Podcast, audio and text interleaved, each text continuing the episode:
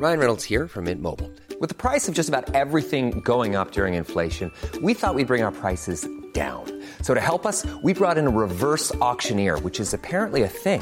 Mint Mobile unlimited premium wireless. Ready to get 30, 30, bit to get 30, bit to get 20, 20, 20, bit to get 20, 20, bit to get 15, 15, 15, 15 just 15 bucks a month. So, Give it a try at mintmobile.com slash switch. $45 upfront for three months plus taxes and fees. Promo for new customers for limited time. Unlimited more than 40 gigabytes per month. Slows. Full terms at mintmobile.com. Halo pendengar GGMI Podcast, baik lagi bersama kita berdua dan kali ini mendekati bursa musim dingin 2023 akhir makin deg-degan karena urgensi untuk membeli pemain atau loan pemain semakin penting karena Erikson cedera setelah pertandingan melawan Reading. Dan ini menimbulkan suatu prahara karena gua ngerasa kemarin mungkin Wakehorse adalah pembelian terakhir gitu kan. Tapi karena Erikson kemarin keluar dari Old Trafford dengan kruk, sepertinya plan bisa berubah. Gimana nih Vin, pendapatnya Vin? Wah, kalau menurut gua sih sebelum Erikson cedera, memang ini tuh harus punya gelandang baru gitu menurut gua ya di Januari ini. Cuma kan memang situasi penjualan MU dan kemudian ditambah Glazer yang emang pelit gitu. Itu menurut gua menambah derita bahwa akhirnya sampai Erikson ini kalau sesuai berita ya, itu lagi dicek dulu separah apa. Dan kalau parah mungkin ini pun masih mungkin ya, mungkin akan masuk ke market untuk mencari pemain yang bisa dipinjam gitu. Jadi apa ya standarnya itu rendah banget gitu loh. Tanpa Erikson aja menurut gue harus beli ini Erikson cedera masih nggak mau beli gitu loh. Masih mau ngeliat dulu seberapa parah. Dan kalaupun parah kita lihat siapa yang bisa di loan gitu kayak buset deh gitu. Lo mau siapa Casemiro main sama Matchbury? gitu kan gitu loh. Jadi menurut gue ini genting sih menurut gue karena kita sampai akhir Februari at least ya kita tuh bakal main sekitar tiga hari sekali weekend weekdays weekend weekdays kayak gitu terus termasuk final kalau kita lolos ya insya Allah ya lolos ke Carabao Cup gitu. Dan abis Carabao Cup final kita bakal langsung ke FA Cup selanjutnya gitu loh. Jadi memang sepadat itu gitu. Jadi tanpa gelandang baru tuh kayaknya menurut gue ya agak sulit sih. Ini tuh ibarat kayak kalau bahasanya anak korporat tuh kalau belum mati masih rusuh kerja gitu. kan belum mati. Iya, anjing emang. surat sakit nggak mampan untuk akhirnya Glazer belum pindah beli pemain. Tapi ini jadi menarik ya karena gue ngerasa urgensinya semakin tinggi kan. Dan ini kan kalau kita tag hari Senin, kalau menggunakan deadline day itu berarti Rabu pagi waktu Indonesia bagian barat, bursa transfer akan tutup gitu kan. Dan ada beberapa opsi yang mungkin bisa kita lihat dan sebenarnya kalau teman-teman juga dengerin kita juga pernah bahas ya beberapa nama pemain gitu kan yang possible salah satunya adalah Yuri Tillmans gitu. Nah, cuman sebelum ke sana, gue pengen ngasih suatu pertanyaan ke Alvin nih. Menurut lo dengan kondisi MU yang sekarang compang-camping secara finansial gitu kan dan kejelasan pemilikan yang masih quote unquote ya hanging gitu kan kira-kira lebih possible kita ngelon pemain atau kita ngebeli pemain dengan budget yang mungkin seadanya Kalau misalnya budget seadanya sih, menurut gua budget aja nggak ada gitu. gue yakin banget kayak apa ya, kalaupun budget seadanya, pemainnya ada apa enggak gitu. Itu aja masalahnya Hmm. kan. Dan gua sepenglihatan gua dan ketika gue coba riset ya, itu kayaknya emang nggak ada sih pemain yang bisa ditebus dengan harga let's say 10 atau 10 di bawah gitu loh. Itu hampir nggak ada. Pun kalaupun harus seperti Yuri Tillmans, kayaknya nggak 10 juga. Minimal-minimalnya pun 20 gitu. Dan gua nggak yakin bahwa Tillmans ini apa ya kayak kita bakal melakukan late move terhadap dia gitu karena tunggu to be true kalau misalnya akhirnya MU melakukan move itu gitu kayak benar-benar butuh sebuah push yang keras dari seorang Ten Hag kalau misalnya akan membeli seorang gelandang dan kalaupun udah beli Tielemans ada kemungkinan juga nanti di summer MU itu jadi gak beli gelandang gitu loh. Itu itu yang bikin bikin tanggung kan. Kayak Tielemans ini nggak jelek tapi kalau untuk jadi nomor satu Ten Hag gue yakin dia masih pingin nama lain gitu. Seperti misalnya Enzo, De Jong ataupun Jude gitu loh. Jadi menurut gue Tielemans ini memang agak-agak apa ya eh, di tengah-tengah sih menurut gue cuma kalau Hmm. misalnya daripada nggak ada sekarang gue gua nggak mau mikir musim depan deh. Gue gue gue mikirnya tuh yang sekarang aja dulu gitu loh. Daripada nggak ada ya kalau Tillemansnya mau dan MU udah duit 15-20 menurut gue ya harusnya sih hajar aja Oke, ini berarti bener-bener kita settle for the less banget ya. Kayak ketika Tielemans misalkan masuk ya, itu kan sebenarnya semacam kayak kebahagiaan semu karena kita tahu mungkin di bursa transfer musim panas MU juga nggak akan beli gelandang lagi misalkan ya gitu kan. Dan menurut gue nih sama sekali tidak menguntungkan MU as in tadi benar Tielemans adalah pemain bagus, tapi apakah dia bisa mengantarkan MU ke level berikutnya seperti mungkin Enzo ataupun De Jong lah itu mungkin pertanyaan eh, yang mesti kita pecahkan berikutnya gitu kan. Tapi benar fokus eh, what present aja gitu. Nah, kalau misalnya ngelihat nama ya, kalau kita ngomong masalah peminjaman, ada beberapa opsi yang mungkin bisa kita lakukan gitu kan. Termasuk juga pemain-pemain yang X dari pemain kita, misalkan ada James Garner, ada Ander Herrera gitu kan, atau mungkin nama seperti Gravenberch gitu kan, yang mungkin menit bermainnya di Bayern Munchen itu nggak begitu banyak dan dia salah satu wonderkid yang diasuh sama Tena ketika di Ajax gitu. Lalu ngelihat tiga nama ini, kira-kira seberapa mungkin kan untuk MU bisa melakukan attempt dengan mungkin X ataupun X pemain ataupun X dari pemain dilatih sama coach yang sekarang, Vin? Kalau menurut gua misalnya mulai dari Gravenberch dulu ya gitu. Menurut gua dia pemainnya bagus, pemain muda juga yang masih kurang mendapatkan jam bermain di Munchen. Cuma satu sisi gue nggak yakin apakah dia mau menurunkan levelnya dari UCL ke Europa League gitu. Karena menurut gue dia itu 11-12 sama Frankie De Jong yang apa ya kayak dia masih ingin berambisi untuk di level tertinggi dan siapa tahu mungkin dia mikir siapa tahu Bayern juara gitu. Kalau misalnya Bayern juara kan dia nggak dapat medali gitu loh karena dia sama MU di Europa League gitu loh. Jadi menurut gue kayak ini gambling juga buat dia gitu dan gue tadi juga juga baru ngeliat ya ternyata Leon Goretzka pun lagi cedera gitu jadi pilihan lini tengah di Bayern itu tinggal Kimmich kemudian ada Sapitzer dan juga ada uh, mungkin Musiala kali ya gitu. Jadinya memang lini tengah Bayern pun lagi nggak lagi nggak terlalu bagus gitu. Jadi menurut gua untuk si Gravenberch ini kayaknya agak tidak mungkin ya menurut gua. Meskipun dari sisi kedekatan sih iya gitu. Cuma kayaknya nggak deh gitu. Dan kalau misalnya kedua nama lain ya yang mana kita bilang ex pemain yaitu Herrera dan Garner menurut gua malah itu opsi yang paling mungkin gitu. Meskipun cara mereka keluar mungkin agak nggak enak ya, kayak mungkin agak sedikit diusir atau ditendang. Cuma kalau misalnya kita lihat interview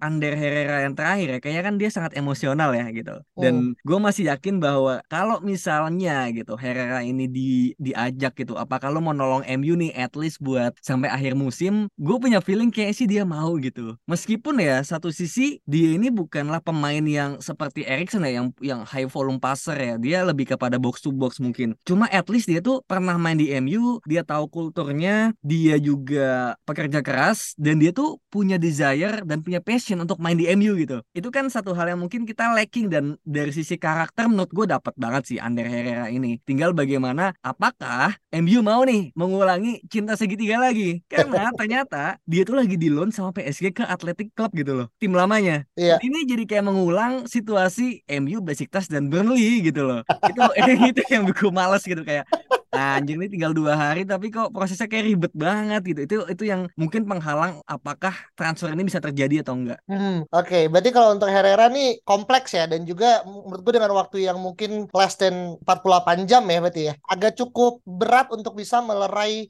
dua klub yang mungkin punya kontrak ya. Karena kan Bilbao dan juga PSG kan harus dua tim yang harus kita quote unquote ya tanda tangan kontrak gitu kan. Nggak bisa cuma salah satu karena uh, mereka sedang dalam konteks juga peminjaman gitu. Nah tapi kalau ngomongin masalah James Garner gitu kan kita hmm. juga tahu Everton kan juga baru aja memecat uh, Frank Lampard ya gitu kan. Dan sedang digantikan sama caretaker namanya Ferguson siapa gue agak lupa gitu kan. Dan bentar lagi Sean Dice kan yang masih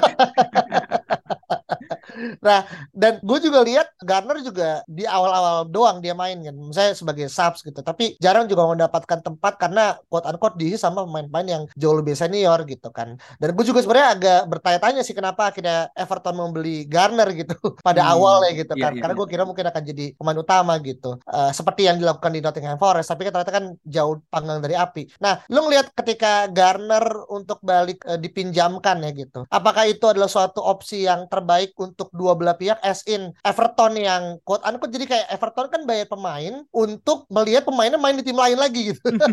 jadi kayak gitu dapat dapat durian runtuh gitu. Dan untuk pemainnya apakah Garner rela untuk kembali sekali lagi bermain padahal dia juga quote unquote juga diusir juga gitu kan. Karena masalah tadi mungkin uh, finansial ya segala macam gitu. Gimana Vin? Uh, menurut gua Garner ini memang gua nggak tahu ya alasan di awal kenapa Garner ini dijual gitu. Itu mungkin satu hal yang kita juga harus tahu tahu gitu dan sampai sekarang kita juga nggak tahu kan kenapa dia dijual gitu. Nah dia pun dijual dengan harga yang cukup murah ya kalau nggak salah ya kayak cuma 10 atau 15 juta dan di tengah MU ini juga lagi lacking of player gitu loh di lini tengah dan itu dijual itu kan bikin kita juga bertanya-tanya gitu kenapa dijual gitu. Jadinya itu itu juga membuat gue berpikir gitu apa iya gitu kalau misalnya benar-benar ternyata ya ternyata Garner ini nggak cocok gitu sama Ten Hag maksudnya adalah lebih ke Ten Hag nggak cocok sama dia dan mungkin open untuk dijual dan ternyata Everton ini tertarik untuk beli gitu. Nah, gue nggak tahu kalau misalnya itu yang terjadi kan buat apa kita beli lagi gitu. Toh ternyata juga nggak cocok anyway gitu. Ngapain di, di loan lagi gitu. Itu kan agak nggak make sense gitu. Jadi uh, menurut gue sebetulnya bisa-bisa aja. Toh gue juga kalau misalnya melihat lini tengahnya Everton tuh kan lagi cukup banyak ya. Ada Onana, ada Doucoure, ada Davis, ada Ganagay, sama kadang-kadang Iwobi juga bisa di tengah kan gitu. Jadi ada lima itu ditambah Garner pun ada enam dan kalau misal Shandai main 4-4-2 gue yakin Garner tuh nggak akan main gitu loh. Hmm. Pasti Onana sama Gay misalnya gitu atau sama Iwobi atau kalau ganti nanti ada Dokure ada Davis gitu. Garner nggak akan main gue yakin gitu. Jadi menurut gue kalau misalnya ternyata alasan ten, uh, alasan Garner dijual itu ternyata murni karena uang aja karena ya udahlah yang penting bisa gue uangin lah gitu kan buat nambal-nambal gitu kan. Ada kemungkinan Garner ini bakal dipinjam lagi gitu loh. Dan Garner nggak sejelek itulah gitu masih bisa bermain at least buat di Liga Inggris itu sebagai sub sebagai ya apa ya pemain yang mungkin bukan utama ya mungkin utamanya nanti bakal ke Fred atau Scott gitu. Cuma at least buat at least uh, jangan Hannibal juga lah gitu yang masih muda banget kan. Atau kayak Kobi Mainu atau Iqbal yang masih terlalu hijau gitu. Menurut gue Garner lebih matang karena udah reguler bermain di Nottingham di musim lalu gitu. Jadi menurut gue Garner open aja sih menurut gue untuk uh, kembali. Hmm. kalau misalnya MU juga mau make a bit ya. Hmm. iya tapi gini Vin. Ini kan kita nyebutin empat nama ya uh, let's say tadi minimal ya. Itu kan sebenarnya posisi as in main tengah iya. Tapi kan role mereka beda-beda. Ada yang sebagai box to box ada yang sebagai CDM gitu ada yang sebagai oh. CM gitu kan yang mana sebenarnya kalau kita melihat pada kebutuhan MU karena urgensinya Erikson ya notabene sebagai seorang CM ya kalau misalnya kita dengan 433 apa namanya rot uh, rotasi segala macam gitu. Sebenarnya kan yang paling pas kan adalah Gravenberch sebenarnya ya. Betul. Menggunakan secara uh, logiknya gitu kan. Tapi kan tadi kita nyebut masalah Herrera gitu. Kita nyebut tadi masalah Garner gitu kan. Itu kan yang mana sebenarnya bukan pemain yang sebenarnya kita butuhkan as in sebagaimana akhirnya bisa menggantikan posisi Erikson yang dan sebenarnya Tillman Adalah mungkin regenerasi dari sosok Erikson tersebut gitu kan. Tapi gini, kalau kita ngelihat dari opsi yang ada ya, eh, karena mungkin deal dengan klub lain terlalu sulit gitu. Lu melihat potensi untuk mengorbitkan pemain muda nih. Ini tadi kan lu sempat ngomong masalah Mainu nih ya, yang gue juga apa sedikit banyak agak terapa tersontak gitu kan.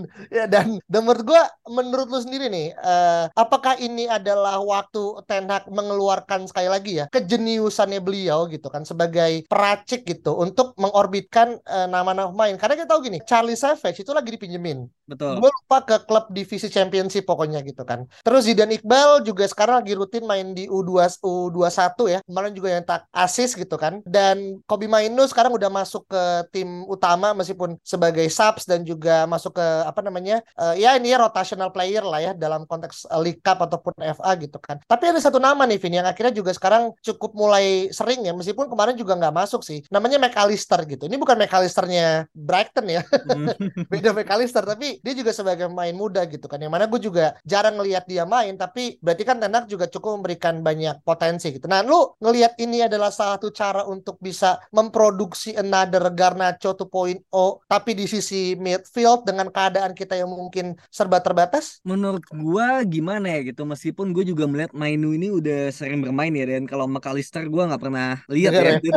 gue nggak tahu juga muka mukanya kayak gimana gitu. Jadi mungkin gue masih no comment ya kalau McAllister yeah. gitu. Tapi kalau Kobi Mainu menurut gue gimana ya? Pemain muda seharusnya itu diorbitkan ketika suasana dan situasi tim itu lagi stabil menurut gua gitu supaya okay. menjaga performa dan juga mentalitas dari pemain muda tersebut gitu. Nah, kalau MU ini kan lagi apa ya, kayak lagi diterpa badai gitu menurut gua dan jangan sampai pemain muda ini malah dibebankan gitu loh ke dia semua. Dan menurut gua itu bisa menjadi bumerang pada akhirnya gitu kecuali memang eksepsional ya kayak misalnya siapa ya Mason Greenwood gitu kan dan Greenwood dan Garnacho pun itu posisinya lebih kepada sayap kan gitu atau ya. penyerang yeah. yang lebih ke depan gitu resikonya itu lebih kecil untuk berbuat kesalahan yang leading to goal gitu loh. Tapi kalau Kobi Mainu, kalau misalnya salah oper aja, gue inget banget waktu itu. Zamannya Ole kalau nggak salah itu Andreas Pereira gitu. Dia dimainkan sebagai CM atau sebagai DM gitu. And then kemudian dia blunder. Dia terima bola, direbut sama pemain Burnley dan akhirnya MU harus kalah 2-1 kalau nggak salah. Atau seri 2-2 dan itu MU sebenarnya lagi dalam tren yang bagus dalam kemenangan gitu. Cuma gara-gara kesalahan itu and then MU jadi kebobolan kebobolan dan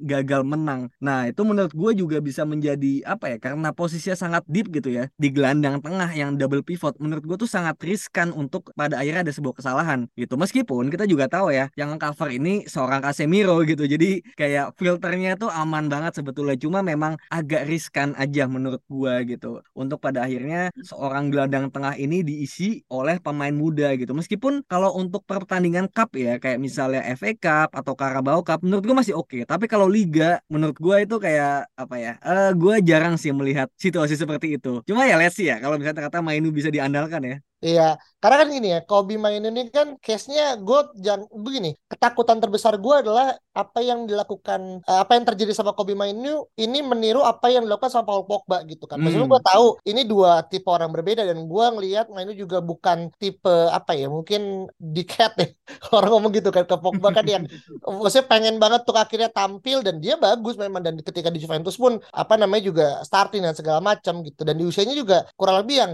kurang lebih sama 18 tahun kan ketika cabut dari uh, apa namanya MU pun segala macam gitu. Nah, pertanyaan gue lagi nih, ketika memang misalkan ya asumsi terburuk kita tidak membeli pemain, kita tidak alone pemain, ataupun kita tidak mengorbitkan pemain as in sebagaimana tadi yang kita gebor-gemborkan gitu kan. Kira-kira implikasi apa yang akan terjadi dan apa momen terburuk yang mungkin bisa lu bayangkan dari mungkin ya gue bisa bilang uh, keserampangan manajerial yang terlihat terlalu mengandalkan magicnya Ten Hag untuk membuat suatu keajaiban di musim pertamanya, Vin. Ya kalau misalnya the worst case yang bisa terjadi ya adalah pemain bertumbuh perkembangan gitu loh. Salah satunya adalah Erikson yang mana mungkin ini juga ada hubungannya ya dengan seorang Ten Hag yang menurunkan dia di pertandingan yang mungkin quote unquote kurang penting gitu loh. Cuma terlihat juga ketika lawan Reading kemarin ternyata MU cukup kesulitan gitu loh. Nggak semudah itu dibongkar gitu dan masih membutuhkan Erikson untuk bisa mengkreasikan gol pertama yang dicetak oleh Casemiro gitu. Itu tetap bola dari Erikson kan gitu. Jadi menurut gua nggak salah juga Ten Hag melakukan itu. Toh pada akhirnya di menit 60-an banyak pemain inti yang ditarik dan diganti oleh pemain muda gitu. Jadi memang strateginya seperti itu. Nah, hal terburuknya selain daripada pemain bertumbangan ya adalah hasil negatif gitu yang bisa diperoleh oleh MU gitu. Dengan pemain bertumbangan, kemudian tim jadi tidak stabil dari sisi permainan, kemudian pada akhirnya hasil jadi tidak maksimal gitu loh. Pertandingan-pertandingan liga yang mungkin seharusnya di atas kertas bisa kita menangkan, itu bisa jadi kalah gitu karena kualitinya nggak ada atau pemain juga udah kecapean gitu loh. Karena memang jadul ini kan sangat padat ya dan penting gitu loh pertandingannya. Ada yang liga Liga, ada yang lawan Barcelona, ada yang mungkin nanti bakal final Carabao Cup, ada yang FA Cup selanjutnya kita nggak tahu lawannya siapa gitu. Jadi banyak pertandingan yang krusial menurut gua. Itu sih satu hal yang menurut gua bisa menjadi hal terburuk yang bisa terjadi gitu dan ketakutan gua adalah satu MU gagal juara Carabao Cup dan kedua yang lebih parah lagi adalah MU gagal lolos Liga Champion dan kalau misalnya MU gagal Liga Champion gagal masuk ke Liga Champion gara-gara gelandangnya ini cedera dan gak diganti menurut gua manajemen itu blunder besar sih menurut gue dan itu jangan sampai terjadi. Gue menurut gue ya Carabao Cup gak juara still oke, okay, tapi masuk zona Liga Champion itu target nomor satu menurut gue gitu loh. Dan jangan sampai ini semua tuh terjadi gara-gara kita tuh udah tahu ini tuh bocor nih gitu dan harus ditambal tapi kayak tambalannya tuh kayak apa ya kalau lu lihat memesnya gitu ada yang bocor terus and cuma ditutup pakai tangan doang gitu. Iya iya. Iya kan ya, ya kayak gitu gitu. Bakal bocor anyway gitu loh. Jadi hmm. jangan jangan terpana dengan hasil Ten Hag yang bisa bagus, kemudian bisa menggunakan teman pemain seadanya gitu. Pada akhirnya bisa tumbang juga gitu loh. Akan ada waktunya pemain akan bertumbangan gitu. Kayak ya tunggu waktu aja. Atau gini Vin. Uh, ini ini mungkin uh, terlalu prematur tapi apakah kemudian misalkan terburuk tadi tetap kayak sama. Untuk bisa mengelola ekspektasi dan juga kita bisa keep up dengan skuad yang tipis terutama di lini tengah apakah mungkin kita harus sedikit berformasi gitu? Dalam arti contoh gini kayak ini mungkin baik lagi ya disclaimer nih sudut pandang dari gua gitu. Kayak ya udah gitu kita main pakai 4-4-2 aja misalkan ya gitu kan. Tengah taruh Bruno dan juga Casemiro gitu kan. Terus kita menggunakan pemain Wit yang kebetulan juga berlipat ya. Masih ada Jadon Sancho, masih ada Facundo Pellistri gitu kan. Anthony Elanga pun juga sekarang masih quote unquote ya still hanging around meskipun udah, udah dapat 10 beats. Depan juga masih ada Anthony, masih ada Wakehorse, masih ada Martial, masih ada Rashford gitu. Jadi kayak ketimbang kita membuat masalah itu menjadi besar, kenapa nggak kita perkecil? Tapi solusinya kita kasih alternatif yang berbeda kira-kira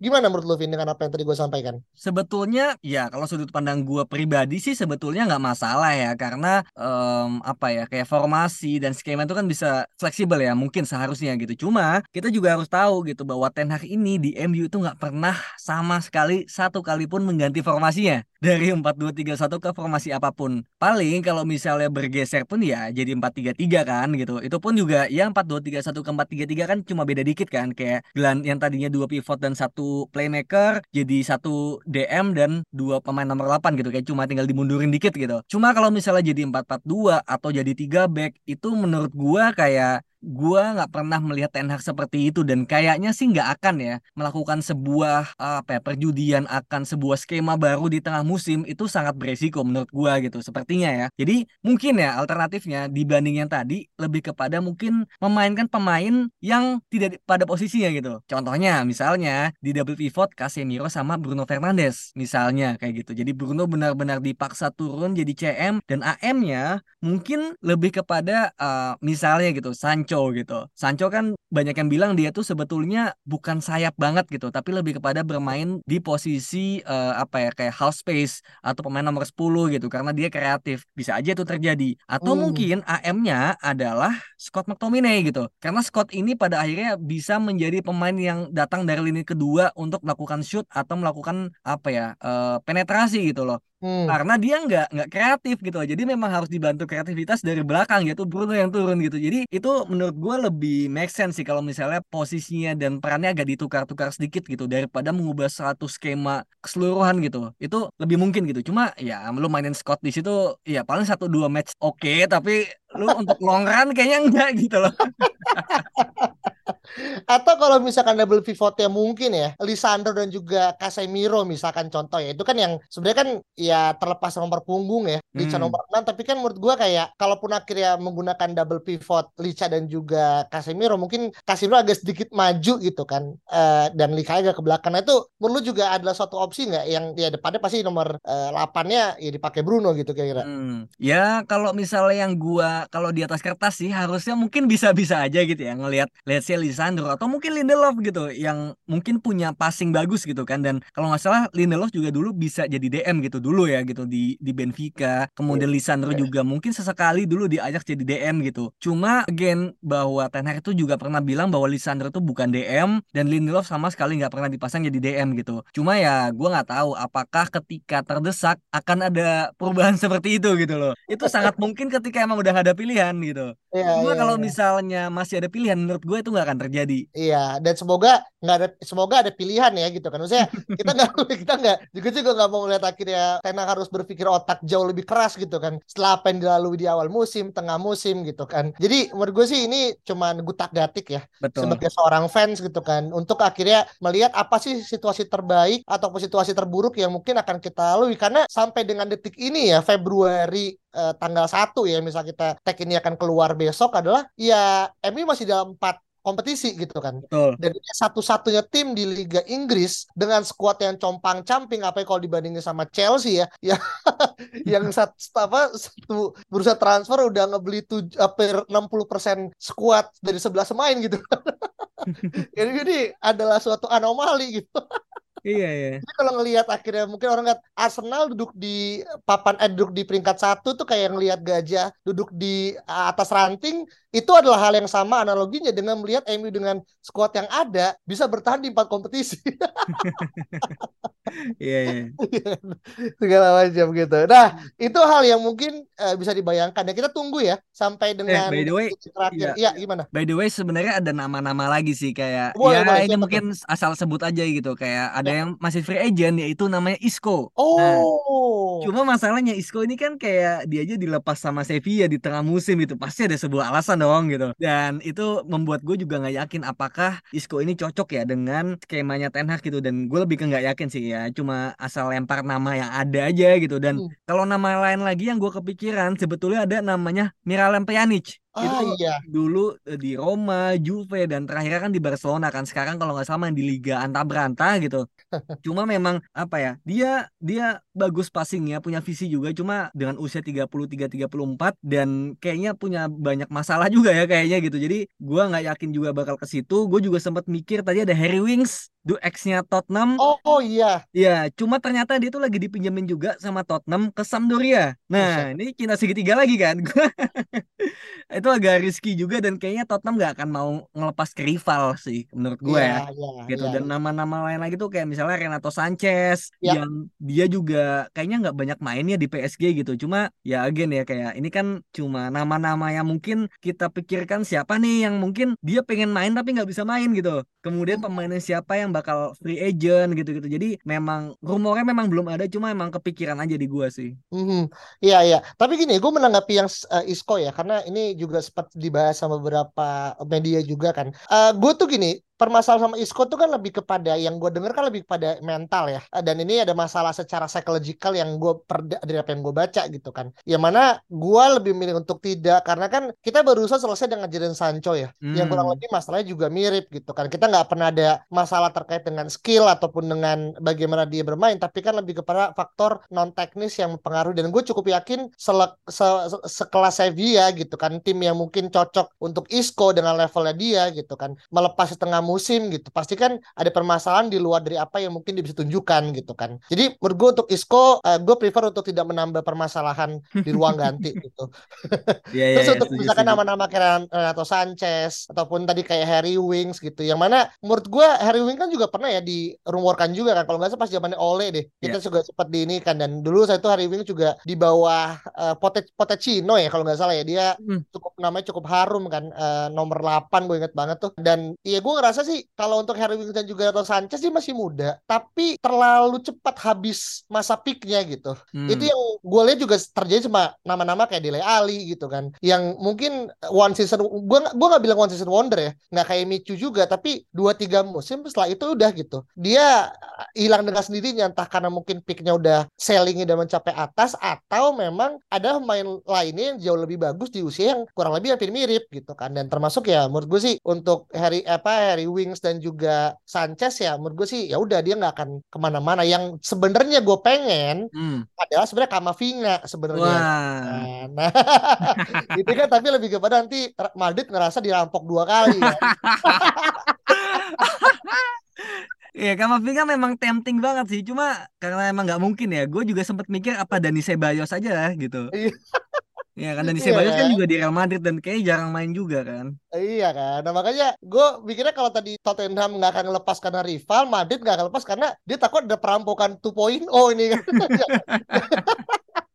yang tahu jadi ngerasa dirugikan dua kali gitu. Iya, tapi ya Madrid Martin memang memang teruji lah ya. Dia terpercaya kan Madrid Martin ini kan. Iya benar benar. Dan Casemiro kan juga bilang kan kemarin di press conference atau di mana dibilang kayak gue kayak anak 15 tahun yang kasarnya ya dapat mainan dan gue enjoy gitu. Dan menurut gue itu hal yang suatu apa ya perkataan yang ngebuat suasana tuh jadi lebih positif gitu kan. Dengan situasi dia yang sekarang mungkin menjadi unsung hero dia menjadi orang yang apa ya dan menurut gue sih ya itu the best buy lah gitu ya untuk MU di musim lalu gitu kan. Nah, nanti tinggal ya tunggu nih bahkan gue punya satu ini ini gue sih gue nggak tahu lu juga Hmm. kayak gue tuh kalau di musim udah di hari terakhir bisa tuh gue tuh tidur tapi setiap satu jam sekali gue nyalain alarm sampai jam 5 pagi untuk nge-scroll Twitter Waduh, jangan banyak berharap lah. iya ada itu Kecewa ya. nanti. yang yang yang lu baca nanti malah Enzo ke Chelsea cuy. nah itu dia kan Sama Caicedo Itu ke Arsenal Arsenal, kan sakit kan? hati nanti lu lihat. Iya, udah gitu Enzo ke Chelsea, Cancelo ke Arsenal gitu kan. Dan Iya. kita menarik ulang eh, apa namanya Hannibal Mabry untuk balik ke Nah, menurut gua gua juga tetap ya mungkin dapat tambahan pemain tapi ya muka lama gitu di squad yang baru. Menurut gua udah biasa lah MU kayak gitu ya. Maksudnya nggak ada nggak ada benar-benar perubahan gitu kan. Dan mungkin teman-teman kalau ada nama-nama lainnya mungkin tadi sempat belum kita sebut atau mungkin ada dari klub atau mungkin liga yang jarang kita bahas tapi rasa cocok nih untuk bisa menjadi alternatif gitu. Kayak dulu sebut dalam nama Denis Zakaria ya Vin ya. Terus juga Hmm. kayak Benacer gitu yang ya rumornya ya udah goes away aja gitu kan. Dan mungkin tiba-tiba bisa diaktifkan karena ada klausul-klausul tertentu yang kita berdua juga nggak paham ataupun missing boleh banget langsung teman-teman balas di reply Twitter Iya, kita by the way, ya by the way, ya, by the way, gue juga tadi sempat siang-siang tuh ngebuka ini transfer market dan ngelihat timnas Belanda. Ini siapa ya pemain Ah. tengah Belanda yang bisa dibeli ya gitu. Ternyata nggak oh ada. ini ya apa ini ya Kevin Strootman jangan-jangan Waduh, itu udah tua banget kayaknya. Saking udah desperate-nya kan. Anjir. Iya kan? Kevin Strootman tuh zaman-zaman Piala Piala Dunia U23 apa U20 ya? Pas tahun 2000 2011 2012 tuh gue inget banget tuh. Nama dia kan eh, pas zaman Piala Dunia. Jadi kayak tapi gue nggak mungkin sih itu terlalu jauh ya. Kevin Strootman mungkin beberapa pendengar juga yang baru-baru ya mungkin yang eh, masih muda gitu. Ini siapa gitu segala macam. Tapi buat yang seumuran mungkin tahu ya rumornya Kevin Strootman. Iya, masa kita mesti manggil lagi Bastian Schweinsteiger kan? Kali. atau mungkin apa eh, Schneiderlin kan Waduh.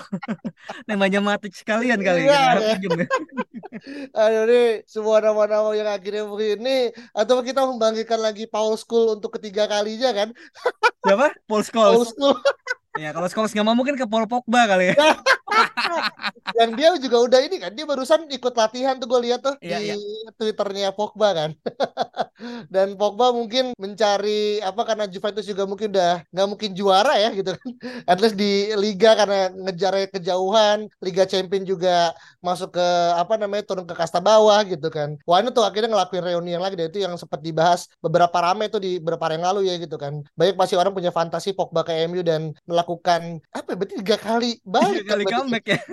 Iya kan kayak aduh ini gue ya ini inilah ya eh, tapi kalau misalkan masih fokusnya ke komersial ya bisa-bisa aja gitu. Cuman gue nggak yakin apakah era-era seperti itu akan terus terjadi gitu. Jadi itu aja paling ya terkait dengan nama-nama gitu. Kita udah coba membahas secara lebih komprehensif dan teman-teman silakan kasih komen. Jangan lupa kasih bintang 5 juga di Spotify. Kita ketemu lagi pada episode berikut ya. Bye bye Imagine the softest sheets you've ever felt. Now imagine them getting even softer over time. That's what you'll feel with Bowl and Branch's organic cotton sheets. In a recent customer survey, 96% replied that Bowl and Branch sheets get softer with every wash. Start getting your best night's sleep in these sheets that get softer and softer for years to come. Try their sheets with a 30-night guarantee. Plus, get 15% off your first order at bowlandbranch.com. Code BUTTERY. Exclusions apply. See site for details.